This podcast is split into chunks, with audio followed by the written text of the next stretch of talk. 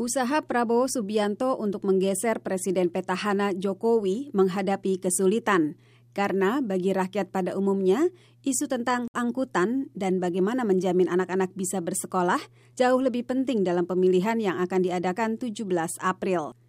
Michael Fatikiotis, penulis buku berjudul Blood and Silk, Power and Conflict in Modern Southeast Asia mengatakan, pemilihan umum kali ini telah memecah rakyat Indonesia menjadi kelompok kelas menengah yang tinggal di perkotaan dan kelompok konservatif muslim yang menghendaki adanya kekhalifahan baru.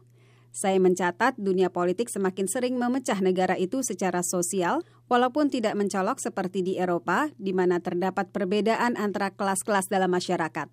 Di Indonesia, garis pemisah itu adalah antara kelompok muslim dan bukan muslim, kata Fatikiotis.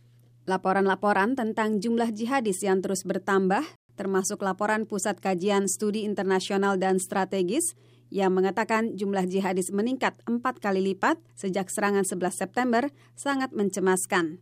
Juga ada keprihatinan di Indonesia tentang kembalinya para pejuang ISIS dari Suriah dan Timur Tengah.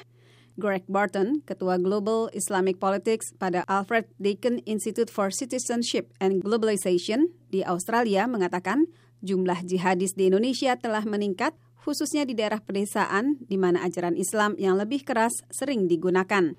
Tetapi, kata Barton, jumlah mereka hanya ribuan dan tidak dianggap sebagai ancaman dalam iklim pemilu kali ini dibanding jumlah penduduk yang 264 juta yang lebih mementingkan pertumbuhan ekonomi dan pembangunan.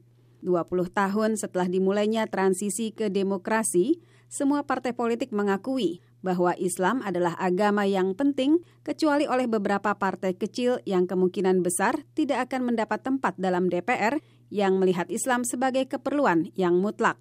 Ini termasuk partai PKS dan Front Pembela Islam atau FPI.